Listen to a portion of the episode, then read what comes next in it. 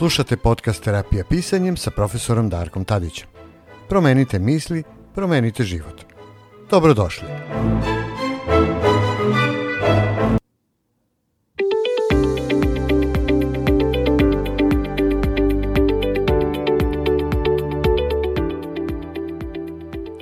Dobar dan i dobrodošli u najnovu epizodu terapijskog pisanja. Danas imam jednu divnu i lepu čast da vam predstavim uh, Ivanu Sinđić, psihoterapeuta iz Beograda. Ivana, zdravo. Zdravo, Darko. Uh, danas ćemo da pričamo, ja se nadam, o jednoj vrlo zanimljivoj temi. Meni Ivan je barem zanimljivo, nadam se da će i vama da bude zanimljivo.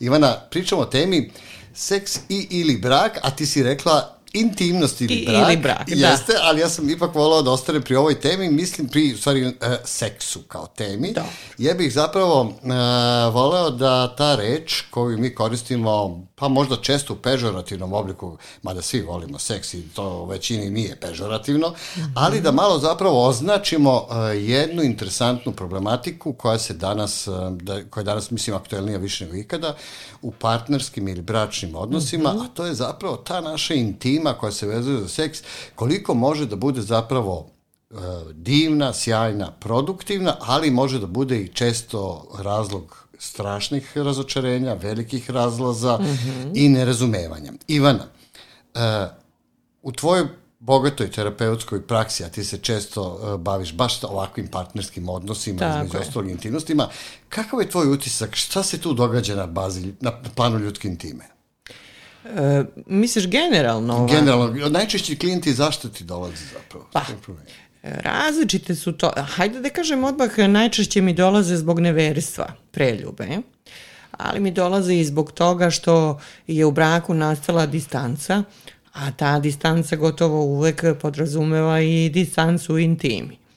E, ali češći slučajevi su da mi dolaze zbog toga što je u braku nastalo neverstvo, zbog toga što tada nastaje velika kriza u braku i zbog toga što obično saznavanje neverstva koje najčešće nije jedno neverstvo, takve sam parove najmanje viđala, gde je jedno neverstvo nastalo, gde, gde je to više neverstava ili gde su ta neverstva nastala kod oba partnera koji su u braku i onda su ti ljudi uh, u nekih 70 procenata, oni koji su saznali za neverstvo iznenada, a nisu u to sumnjali ili su sumnjali neko vreme pa iznenada našli već te poruke, jel, ili susreli svog partnera s nekim trećim, onda vrlo često nastaju somatske promene, osim što su to psihološke promene, zapravo nastaje jedno stanje traume, traumatskog doživljaja, I sada kada mi budemo preplavljeni u tom momentu saznanja,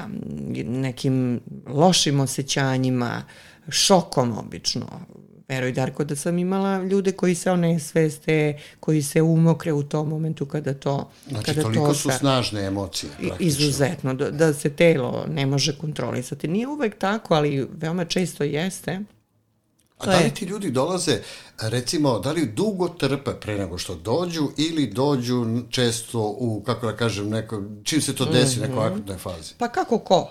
E, oni koji dođu u akutnoj fazi, to je, to je negde i preporuka, e, oni shvataju da e, posle mesec, dva ne mogu da, da nekako taj traumatski doživljaj inkorporiraju, da nekako u svoj, u, obrade i da nastave da žive sa tim i da se od toga oporave, a neki dođu i posle dve godine i obično dok ne posetimo a, terapeuta partnerskog, ta kriza u braku traje, e, zato što ljudi ne znaju kako to da ishendluju, kako da smire taj uzrmani bro, brod braka i onda zapravo Hajde prvo da završimo ovaj deo o traumatskom doživljaju.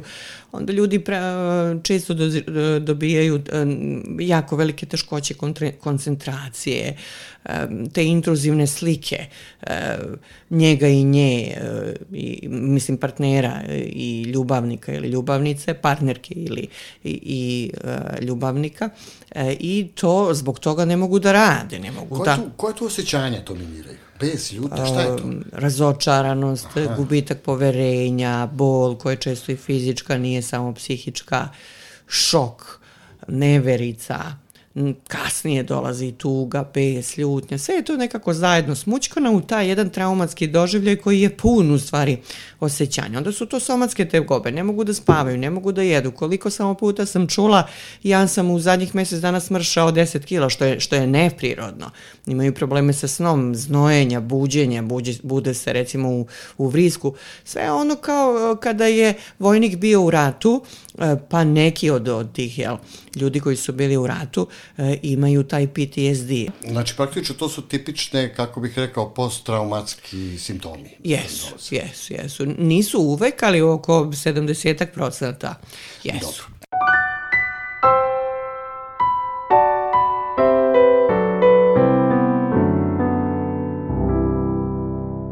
Ono što mene sada interesuje, a polako da se bližimo toj suštini teme, jedni, e, mnogi ljudi kažu i žale se da jedan od prvih simptoma problema u braku koji imaju zapravo jeste gubitak intime, to jest nema seksa. Znači to počne da polako, uh, kako da kažem, jenjava ili negde pre, negde kasnije i to su nekako izgleda simptomi lošeg braka koji se prvi primete, a naročito to primete žene, mislim da su one prve koje reaguju, baš takav je neki moj utisak, možda i obrnuto, ali zapravo one prve reaguju na, na, na, na taj simptom, znači da nema više seksa, nema bliskosti i krene onda problem. Kako to ide?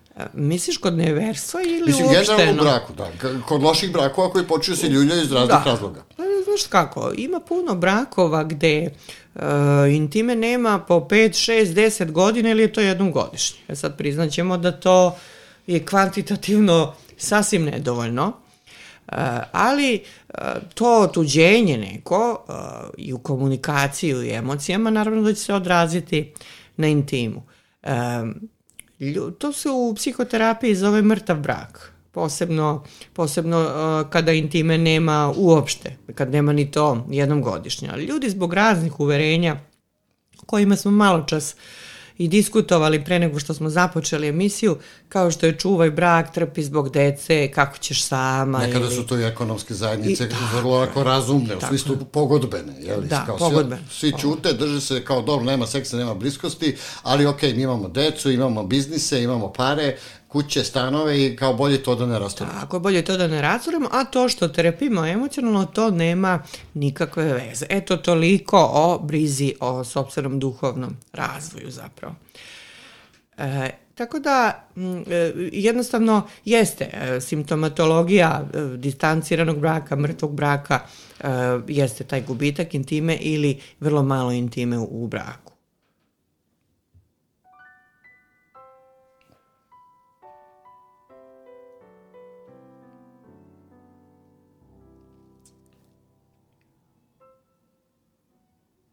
Ok, da se vratim na ovu temu, znači, obično kažu uh, ljudi odu kod terapeuta ili se žale prijateljima i tako da, znači prvi simptomi su taj gubitak bliskosti, nema seksa, nema intime uh, i onda je uh, sledeći razlog koji se vrlo često čuje kada ljudi pričaju jeste mi više nemamo komunikaciju. Da. E, ja sam imao u svojoj praksi tako, mislim, čak možda i češće se to čuje za divno čudo ili možda češće nego ovo da nema, ne, valjda ljudi ne vole da priznaju da nemaju seks, nemaju intimu, pa ovo navode kao prvi razlog, znači kao mi više ne komuniciramo i ja ih onda pitam, dobro, ali vi ste na početku komunicirali, kako to sad ne komunicirate, šta sad to znači? Kako ti tumačiš to nema komunikacije? Nema komunikacije. Pa komunikacije, e, znaš kako to kreće o, o, ono što, e, pre nego što dođu kod terapeuta? zapravo oni pokušavaju da racionalizuju i generalizuju. Pa onda nađu puno primjera u svojoj okolini brakova koji funkcionišu jako loše. I onda počinju kao pa dobro, svi to rade. Pa dobro, Aha, niko se ne razli. normalno. Što? Da, normalizuju stvari koje nisu normalne. Nije tačno, to hoću ljudima da kažem, zato što ima jako dobrih brakova. Sad, koliki je procenat, ne znam, nije ni bitno, ali ima jako dobrih i finih brakova koji su barem relativno zadovoljavajući, a brak može da padne ispod minimuma normalnog funkcionisanja i to su oni brakovi koji više nisu protektivan faktor.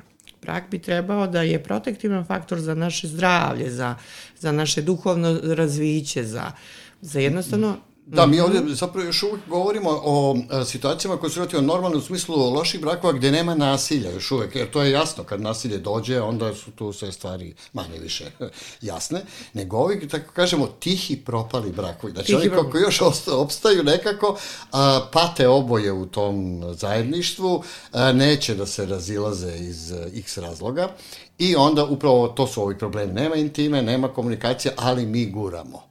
Pa mi guramo, obstajemo, čuvamo brak po svaku cenu, po cenu zdravlja, po cenu mentalnog propadanja i tako dalje, pa to je prosto to.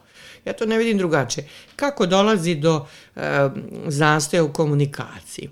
Pa prvo e, počinju da se gaje neka osjećanja prema partneru. Pr- Prvo su tu najčešće svađe onda neko odluči da nema energije da se svađa, ali e, u toku tih svađa i nekih nerazjašnjenih problema koje ne mogu da reše, nisu došli kod partnerskog terapeuta na vreme, neko počinje da nagomilava u sebi vremenom prezir, bez, ljutnju i onda mm, usled toga najčešće prestaje i komunikacija, jer kad prestane komunikacija mi više nemamo one aktivne konflikte koje imamo do komunikacije ima, pa nam je to onda neki mehanizam, aj da je bar mir, jel, kao mir je, a onda e, prosto dolazi i do e, nestanka te intime ili do njenog smanjenja na minimum, zato što ljudi koji su ljuti jedno na drugo, ali to je specifičnije kod žena, žena ne može tek tako da vodi ljubav sa muškarcem sa kojim,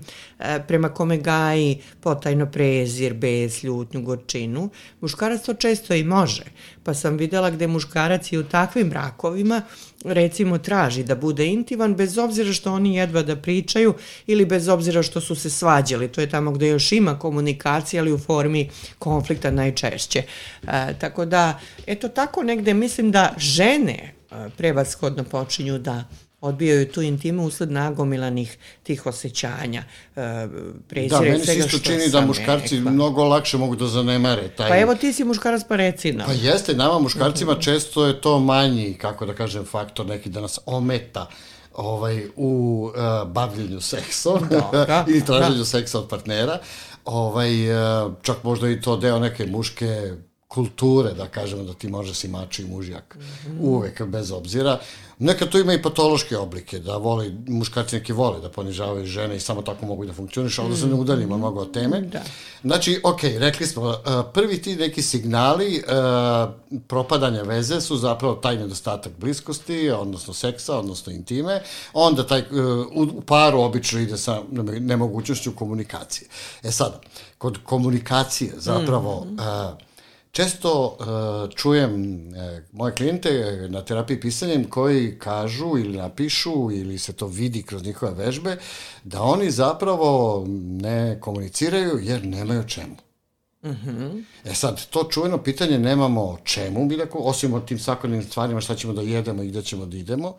Ovaj, uh, što, to je neki čuda, znači, uh, kada seks koji je, da kažem, jedna vrsta lepka u početku, znači svi znamo te, i verovatno smo svi mi proživjeli ta iskustva strasti, opčinjenosti nekim i tako dalje, kad to prođe, znači ta prva strast i tako dalje, onda ostaje ono što se zove život. Znači mi sad treba da pričamo, da imamo neke zajedničke stavove o nečemu, da bi se uklapali i tako dalje.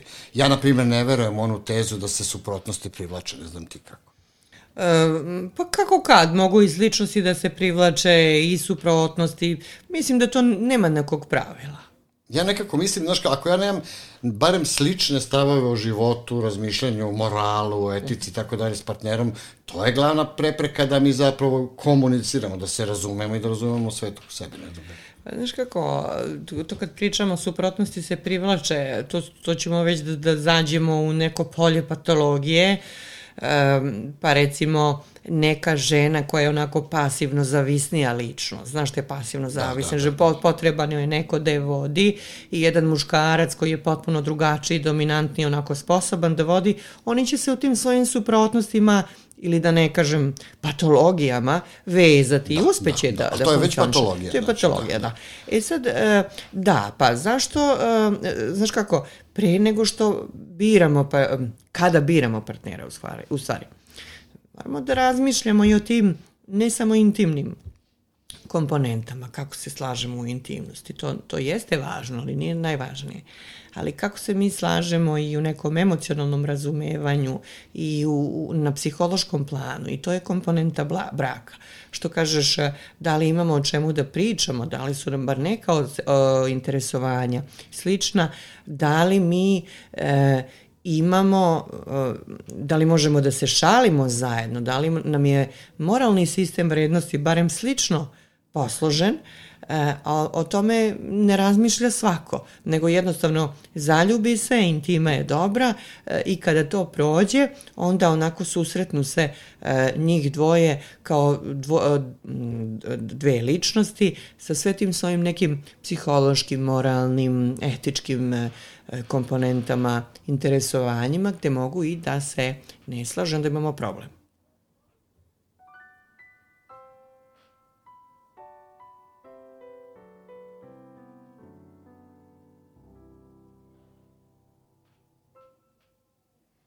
Da, to si vrlo interesantno rekla i mislim da je to, ja, ja barem tako gledam na stvari, da je to slaganje u nekim životnim konceptima, idejama, um, Znaš kako, često pomislim, evo sada posle ovoliko životnog iskustva i gledam i tuđe iskustva, uh, znaš, nije tebe ona rečenica, čini mi se, gleda iz kakve kuće dolazi.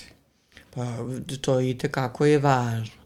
Prvo zato što mi u brak ili u vezu ili u vanbračnu zajednicu unosimo e, dve porodice. Neke u kojima smo vaspitani, gde smo pokupili gomilu uverenja, gomilu nekih pravila, e, gomilu nekih e, načina ophođenja i funkcionisanja u nekim odnosima sa najbližima i to sve zajedno ulazi u brak. Onda unosimo dva temperamenta, onda unosimo, koji mogu biti potpuno različiti temperamenti, nešto nepromenjivo, jel?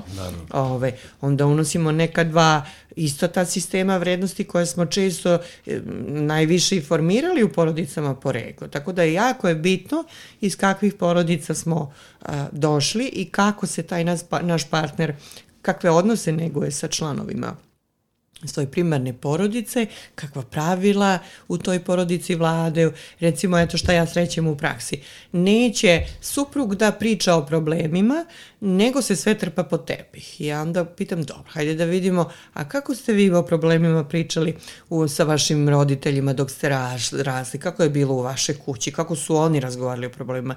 Tu se nije pričalo o problemima, ni o emocijama, nego jednostavno se živelo, oni su puno radili i nisu se tu izražavale sad nekakve emocije, niti ti osjećani problemi. To se, to se nije rešavalo. I onda naravno da taj čovek je navikao da funkcioniše tako. I on da, ne, da, da, da, te obrazce koje u svojoj primarnoj porodici nosi. zapravo nosi, da. on to unosi i u brak. Jeste, I, i to... a, a žena je možda ponela potpuno drugi obrazac, da se, da se pričalo o osjećanjima, o problemima, da se možda da, i vikalo ponekad i onda te razlike praktično vremenom postanu sve veće i veće zapravo, uh, pa onda i kroz vaspitanje dece, znači pristupi postanu sve da. različiti, različiti i to zapravo onda sve zajedno može da vode i do toga da zapravo brak polako vene, vene i na kraju Tako je. uvene.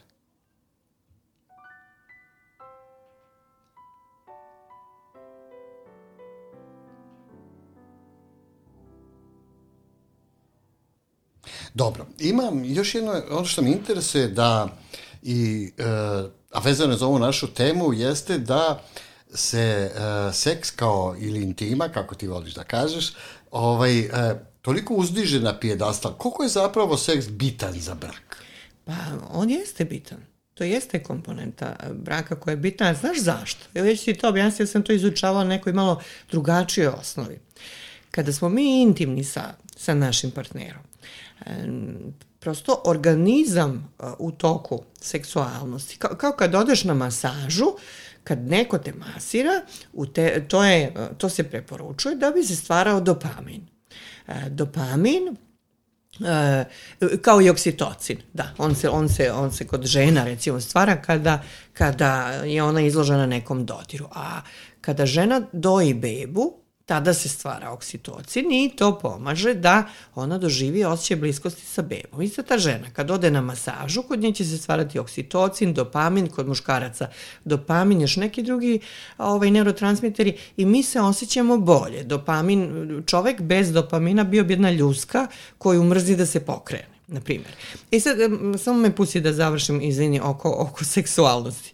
E, kada mi smo intimni sa našim partnerom, mozak će proizvoditi mnogo divnih neurotransmitera, mnogo, mnogo divnih uh, hormona će naše žlezde sa unutrašnjim lučenjem proizvoditi. Pa je to serotonin, hormon sreće, isti taj dopamin, kod žena oksitocin, kod muškaraca vazopresin i tako dalje, tako dalje.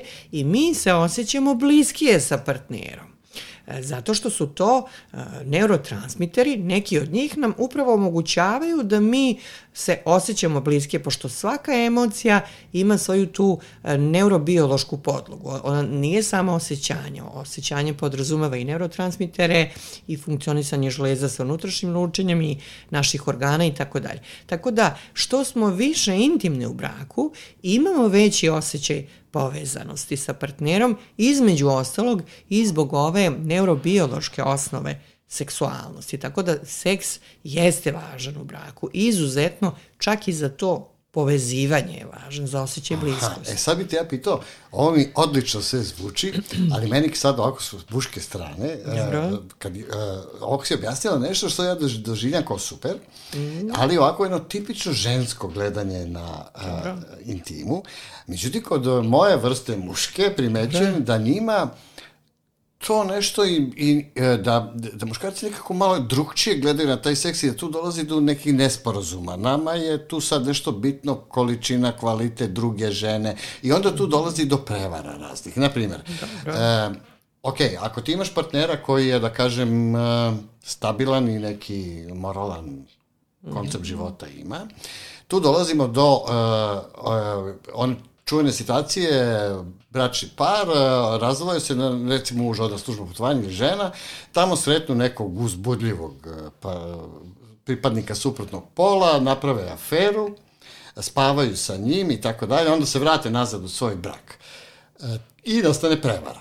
E, to se često pravda čistim seksom. Znači, kao, mhm. eto, to je bilo tog trenutka. Ne govorimo o onim patološkim vezama kad neko živi dva paralelna života, ima tri ljubavnice i tako dalje. I, da, ima da, da, toga, i to ne tako malo. Da. Nego govorimo o ovome i onda dolazi na osjećaj krivice, posle mhm. -huh. toga, ne znam, ovo ono, i to sve zapravo potkopava tu. Da li mi zaista možemo da budemo moralni pa da se uzdržimo, recimo, od izazova i tako zapravo a, prevaziđemo taj problem, koliko god nam bilo teško, a eto vezan je za seks kao tako moćnu, impulsivnu silu koja... Kako da ne možemo? Pa sve je čovekov izbor. Čovek uopšte nije ni monogaman. Po prirodi stvari nije, čovek, ljudi nisu labudovi. Labudovi su monogamni. Oni mogu biti s jednom, bojivaju sa jednim labudom ili labudicom čitavog života. Čovek je poligaman. Po prirodi stvari. Ili, i, znači se to sad gleda u, kao E, on može biti e, monogaman, obično je serijski monogaman, bude u jednom partnerstvu neko duže vreme, e, pa onda u sledećem i tako, ali i tada je veran dok je sa nekim, ali to je stvar izbora, jer njegov prirodni Aha. izbor je, e, mislim, priroda bi nas gonila na poligamiju, je li tako? Mislim, to bi nastao haos kad bi svi bili poligamni, onda to su one neke prvobitne komune, jel, to nije važno čija su deca, nije to sve pa, bitno, to zajedničko. Sad deca su naše, da. da, da ovaj, e, čovek je dakle poligaman, ali on svesnim izborom biva monogaman, monogaman. Može da bude ako hoće. To može svako. E, neverstvo e, jeste u stvari nekako kad ga i sa moralne strane sagledamo, mada ja ne volim puno da morališem, jer mi je zadatak da razumem i onoga koji Dobro, je prevari. Dobro, da, moral je bitna životna komponenta, upravo si rekla, da. mislim, naš je izbor, znači, i da. mi smo čitamo našu zajednicu, društveni ugovor napravili na tome da ćemo o, se o, e, ženiti, praviti brakove, zarad očuvanja porodice kao matične ćelije i, to, i tako preživeti zapravo, to je očigledno bio taj neki, da kažemo, da. biološki razlog. Da, ali ne možeš u jednom momentu da kontrolišeš impuls. E, to je ključno pitanje. I ti si tada načinio neverstvo i posle, pošto si se, svi, e, e, ipak si se obavezao negde i to znaš da jesi i znaš da neko može biti povređen ako to sazna, e onda te grize savest. Ali nećemo govoriti, ali hajde da napomenem, nekakve psihopatske narcisoidne strukture njih neće grizi savest. Imate ljude koje ne grize savest. Tako da najčešće onaj koji je počinio neveru, ajde da ne sudimo toliko. Ja imam ljudi koji su prevarili ženu ili supruga u terapiji i oni dolaze upravo zbog toga što su uh, u užasnoj greži savesti a ne smeju da priznaju, a možda bi im bilo lakše da priznaju, pa su u toj dilemi, ne mogu da žive s tim što su uradili. Ali zapravo taj prvobitan čim, on ko me pričaš, otišao sam na put, pa sam nekoga sreo ili otišla sam na put, jer mnogo žena vara muškarce, da ne svaljujemo to sve na vaš pol, to, to tek nije tačno. Ovaj, to je, nisam mogao da kontrolišem svoj impuls ili e, nisam mogla da kontrolišem svoj impuls.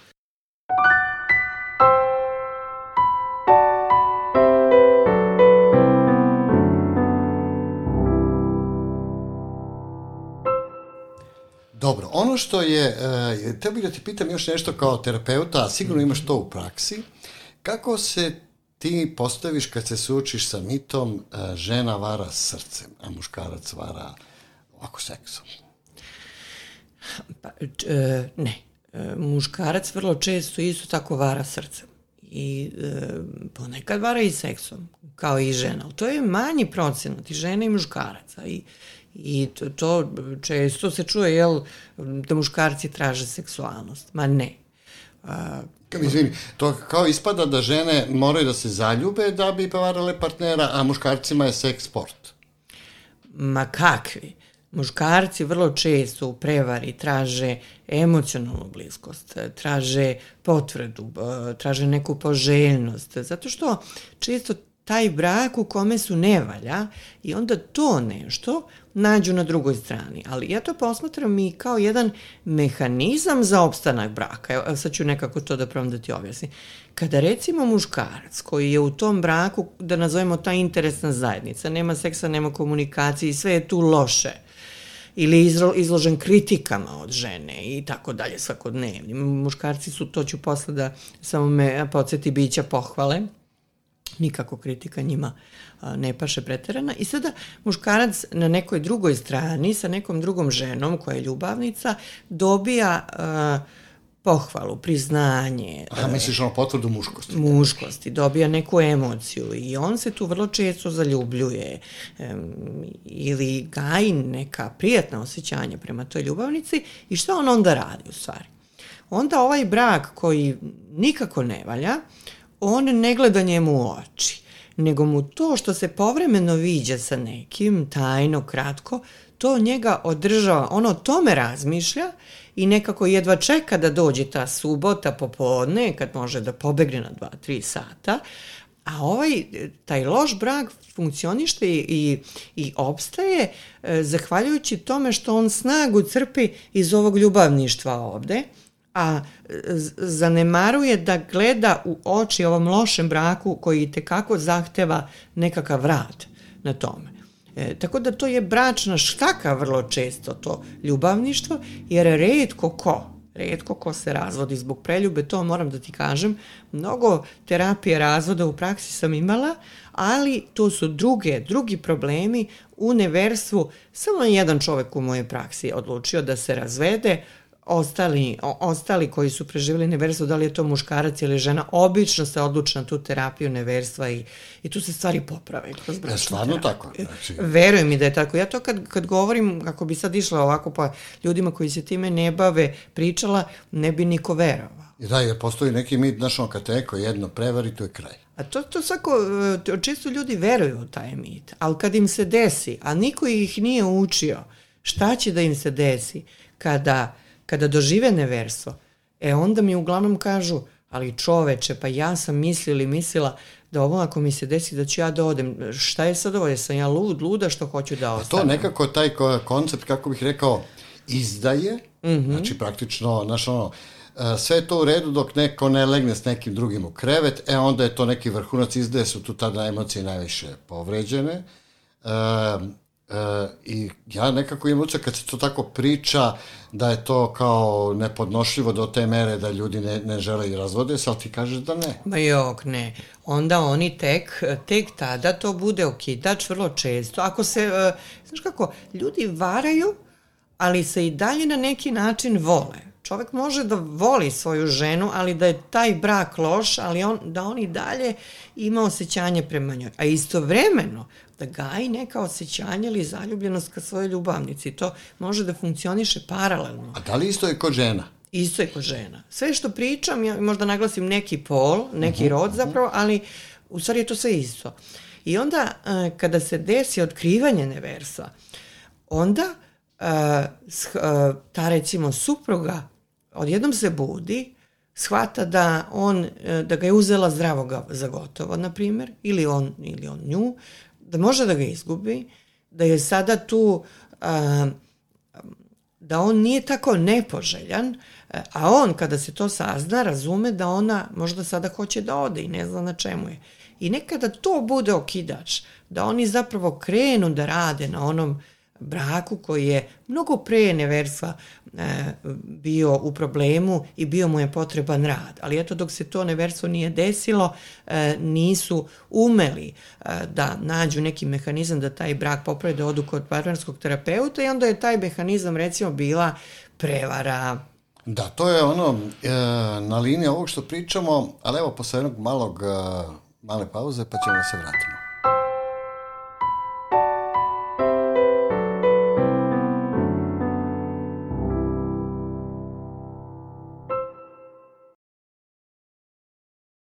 Dobro, e, ono što je, e, što mi još zanima, a mislim da smo super načeli, ovo su zaista svaka od ovih malih temica može da bude posebna emisija. Da. A ima još jedna stvar koja me tu interesuje, a da se vratim i držim glavne teme.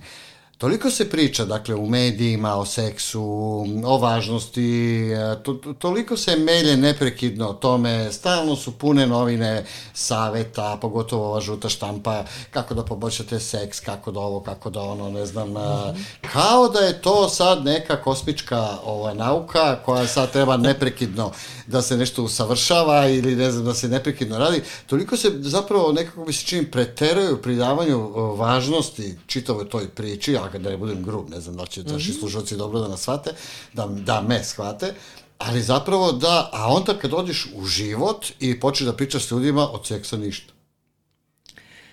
Misliš... U količinski, u praksi. Abstini, abstini. da, da, masovni su ti neki, ima puno veza s tako redkim seksom ili, da kažemo, ponekad, ili, svima su puno usta toga, a kad ono, ih pitaš stvarno u njihovom životu kako se to zbiva, bili u vezi ili samci, ili što god da su, odjedan put to shvataš da je vrlo mršao. Pa dobro, kako kod koga? Mislim da je to, da je seksualnost, intima normalna stvar, neophodna e, u mnogim drugim stvarima i mnoge stvari su esencijalne e, za vezu, kao što, je, kao što smo rekli. E, neko psihološko slaganje, neka, neka zajedničko interesovanja, razumevanje jedno drugoma, da, davanje podrške, ali je i seksualnost esencijalna. I mislim da ljudi treba da se tu nekako oslobode i da je to njihovo polje gde mogu da se igraju i povezuju. Ja to doživljavam tako. Ne vidim u tome ništa loše.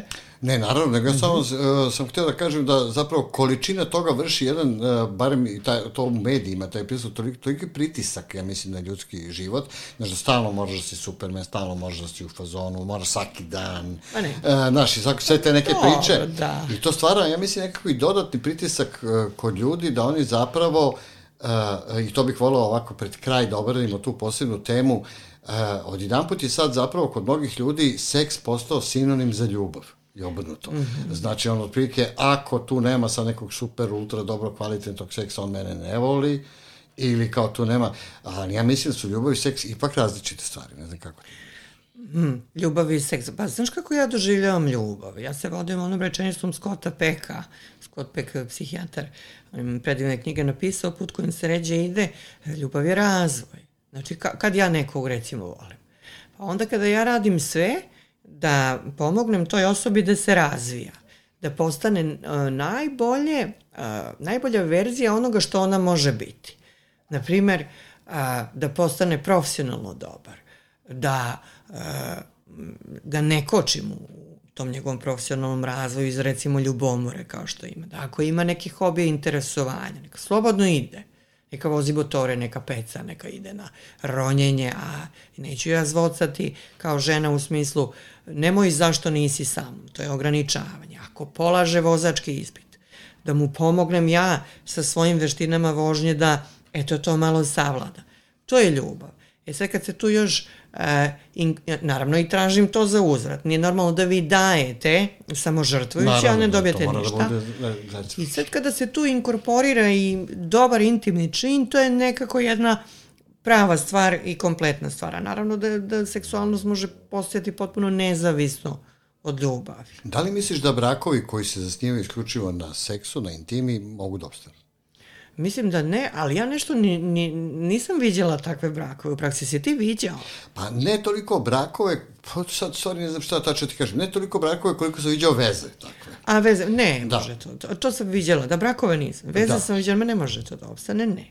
Zato što, znaš kako, to su ti ove, to mladi zovu kombinacija. Jel, to, si na to mislio? Pa recimo, da. Mada vidim da mnogi ljudi, uh, što samci generalno, a što ovi koji su razredeni pa žive sami, uh, Uh, I dalje deo njih misli da je to kao, da, dok ima seks ima neke veze, ajde, kao to nekako traje. Ako nema, onda od toga nema ništa.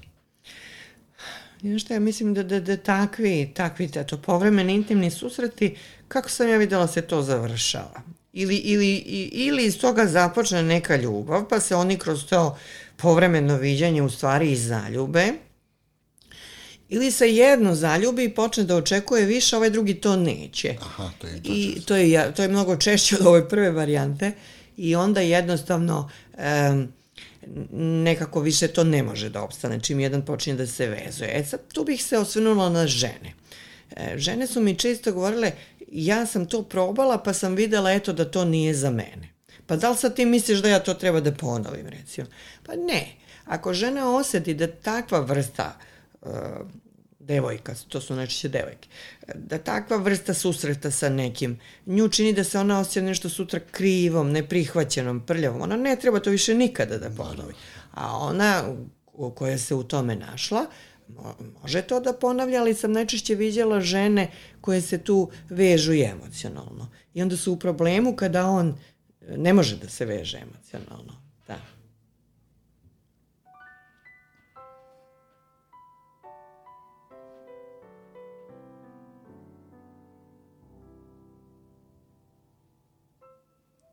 Tu je ostalo još jedno pitanje koje bih htio da te pitam, baš kod ove teme, uh, uh, poslednje vreme je moderno u filmovima, literaturi generalno u životu da ljudi uh, prave veze koje su zasnovane opet ja na seksu, a zovu se friends with benefits. Aha, znači da, kao da. tu To je sad kao jedna moderna forma, naročito urbanog gradskog života, gde su ljudi zaposleni ili su razvedeni, prošli su neka loše iskustva, ne bi da se vezuju mnogo, ovaj, ali ne bi ni da se baš, ovaj, da se, kako kažem, liše sigurnog seksa, u smislu da imaju redovnog partnera koji je, da kažemo, normalan i zdrav i tako sve to. I onda tu do, te čudne veze. Ili si imalo u praksi tako te veze? Kako to ljudi doživljavaju emotivno? Tako su?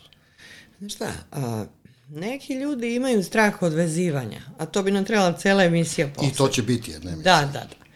E, I sad e, nije redkost da oni upadaju upravo u te friends with benefits veze, zato što e, to im daje neku sigurnost da neće biti povređeni. Mi kao se vezujemo pomalo dozirano i to me štiti od toga da ja budem povređen ili povređena. To, sam, to su problemi attachmenta, stila vezivanja zapravo.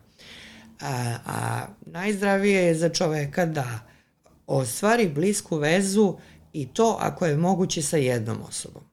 E, zato što vi e, sa jednom osobom možete biti jako lepo povezani i zadovoljavati potrebe jedno drugoma, drugoga i ne treba se bliskosti plašiti, a oni koji imaju te probleme stila vezivanja, ovaj, ili koji se plaše bliskosti iz nekih drugih razloga, recimo istraumirani su, prošli neki težak razlog, to nije redko, prošle su žene nasilje i onda neće da se vežu, strah ih je, ove, oni trebaju da prosto potraže pomoć. E, recimo da dođu kod, kod mene ili kod tebe na, na psihoterapiju ili terapiju pisanja, da se od toga oslobode, da shvate da je za drugoga bezbedno vezati se, ali pritom treba voditi računa za koga je to bezbedno vezati se. Da, i kako postaviti se. i bezbedne granice generalno u da. moralnom smislu, u nekom ljudskom smislu, očuvati svoju i tuđu intimu ravnoteži. Tako, da. to su baš divne teme i o tome možemo da pravimo posebne emisije i mislim da će, da će biti vrlo interesantno. I naglasila bi da ljudi ne treba da se plaše, e, ne treba da budu ni sa bilo kim. Neki ljudi su bilo s kim samo zato da ne bi bili sami. Ne treba ljude ni da je strah da neki period svog života odvoji da budu single i godinu, i dve, i tri, nije, nije bitno koliko hoće i može. Zato što jednostavno tada nekako učimo kako mi i možemo biti sami i da je to prihvatljivo stanje koje što često nije loše, E, i da možemo sami opstati. I onda nekako e, stičemo nekakvu rezilijencu ili snagu da sutra ako nas neko u životu opet ostavi, mi znamo, probali smo da smo sposobni da opstajemo kao single ljudi. To, to, a, a nekako opet tu postoji jedna stigma ovaj je sam, pa nešto sa, sa njim nije u redu ili s njoma. To uopšte nije tačno. Naravno. Mnogi mislim, single ljudi uživaju u tome statusu. Upravo tako i da. to je sasvim okej. Okay. Uh, ljudi se stvarno i vezuju zbog raznih stvari. Da. Ja zaista nemam čak ni problem ni sa tim sexy friends with benefits, mm -hmm. dok to ima nekog smisla za oboje. Uh, I to je sasvim ok, znači različiti stilovi mogu da budu. Dobro, mislim da smo ovom našoj emisijom malo bacili jedno svetlo na taj pojam seks ili, i, ili brak. Uh, vidimo da u braku, znači da malo rezimiramo, ili prvi signali su to nedostatak bliskosti zapravo i onda posledično nedostatak seksa. Uh, Uh, opet sa druge strane i ti neki slobodni stilovi života očigledno ljude emotivno ne zadovoljavaju, znači mm -hmm, čak da. možda sklizni promiskuitet, znači često menjanje partnera, pa možda bude čak i rizično, ne samo i zdravstveno, Može. nego i u drugim brojnim nekim kombinacijama, da. kako tvoja koleginica Biljana mm -hmm. i ti mhm. često kažete španskim serijama, ljudi mogu da skliznu i da se nađu u potpuno neočekivanim životnim situacijama kojim zapravo uopšte ne trebaju. Da, znači, da, bez, da. bez ikakvog Dobro, e, tvoj savet e, za kraj, recimo kad ti klijent dođe i ima neki problema sa intimom ove vrste, šta im obično predložiš? E, misliš u braku? Kad da, kad imaju u braku, da. Kad ima problem sa intimnošću, pa ja gledam prvo za, zašto je došlo do tog problema sa intimnošću. Dobro, to može biti neka potpuno seksualna disfunkcija, nedostatak libida, depresija, kod muškarca neki vid otežane potencije, da, da ne kažem impotencije, nije impotencija tek tako sad skroz si impotentan, ona može biti da, da si povremeno, čitavi, da. da, da si povremeno, u mogućnosti povremeno nisi.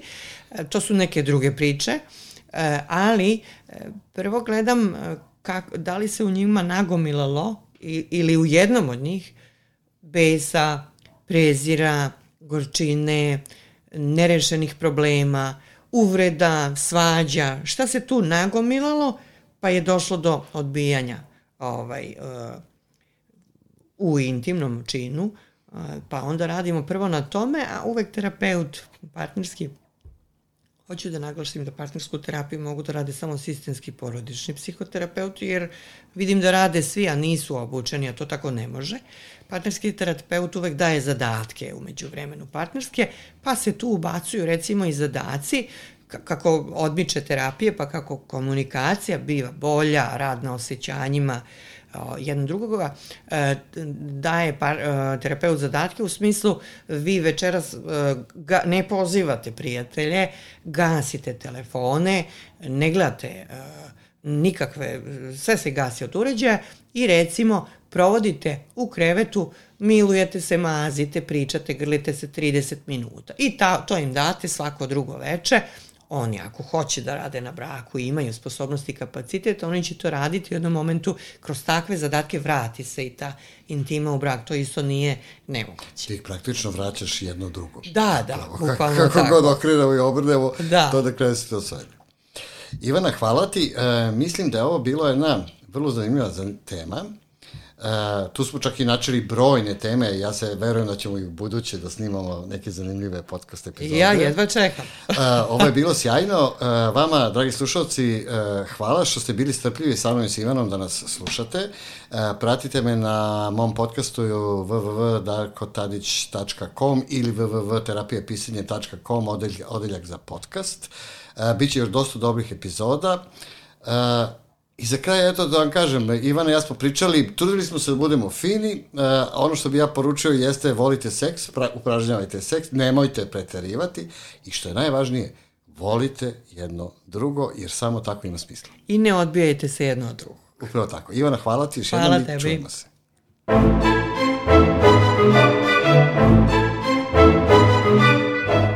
Slušali ste podcast Terapija pisanje profesora Darka Tadića. Pratite me i dalje na mom sajtu www.darkotadić.com i uživajte u terapiji pisanja. Do slušanja.